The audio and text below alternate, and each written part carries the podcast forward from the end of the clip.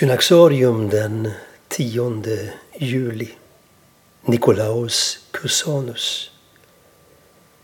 Nikolaus Cusanus föddes år 1401 i närheten av staden Trier i Tyskland. Den första skola han sändes till drevs av det gemensamma livets bröder. En klosterliknande väckelserörelse som kom att bli katalysator för senmedeltidens mest inflytelserika förnyelse inom kyrkan Devotio Moderna. Som sin mest berömda elev hade skolan på 1300-talet haft Thomas A. Kempis. Törsten efter sanning och vishet utmärkte tidigt Cusanus och han fortsatte sina studier vid några av tidens mest ansedda universitet.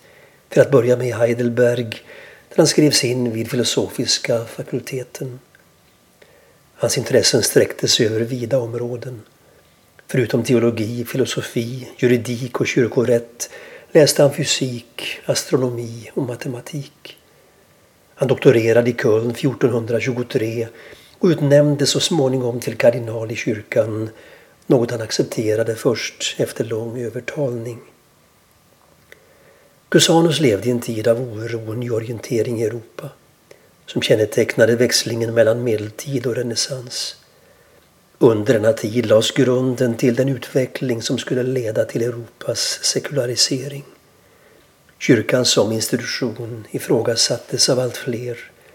Något som bidrog till att mystiken som uttryck för människans personliga gudsförhållande blomstrade. Nikolaus Cusanus bedrövades över tillståndet och hans stora livsuppgift blev visionen av en reformerad kyrka. För att leda till bestående förändringar måste förnyelse ske inifrån, menade han. Cusanus riktade skarp kritik mot många av de avarter som släppts in i kyrkan. Han predikade bot och omvändelse och manade kyrkans folk, inte minst dess ledare, att söka Gud i bön och överlåtelse. I sina strävanden fick han stöd av flera kloster. Nikolaus Cusanus var en självständig tänkare som älskade Gud. Med sitt tal om docta ignorantia, den lärda okunnigheten, knöt han an till kyrkofädernas apofatiska teologi.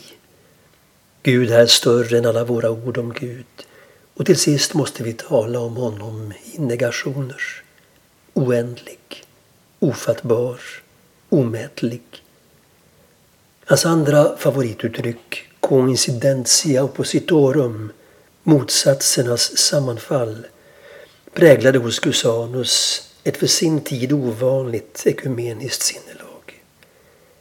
Hans gåva att se förbi skillnader och finna det som förenade gjorde honom till en ständigt anlitad medlare i konflikter. Genom sin strävan att finna den punkt där det gick att mötas stod han i försoningens tjänst.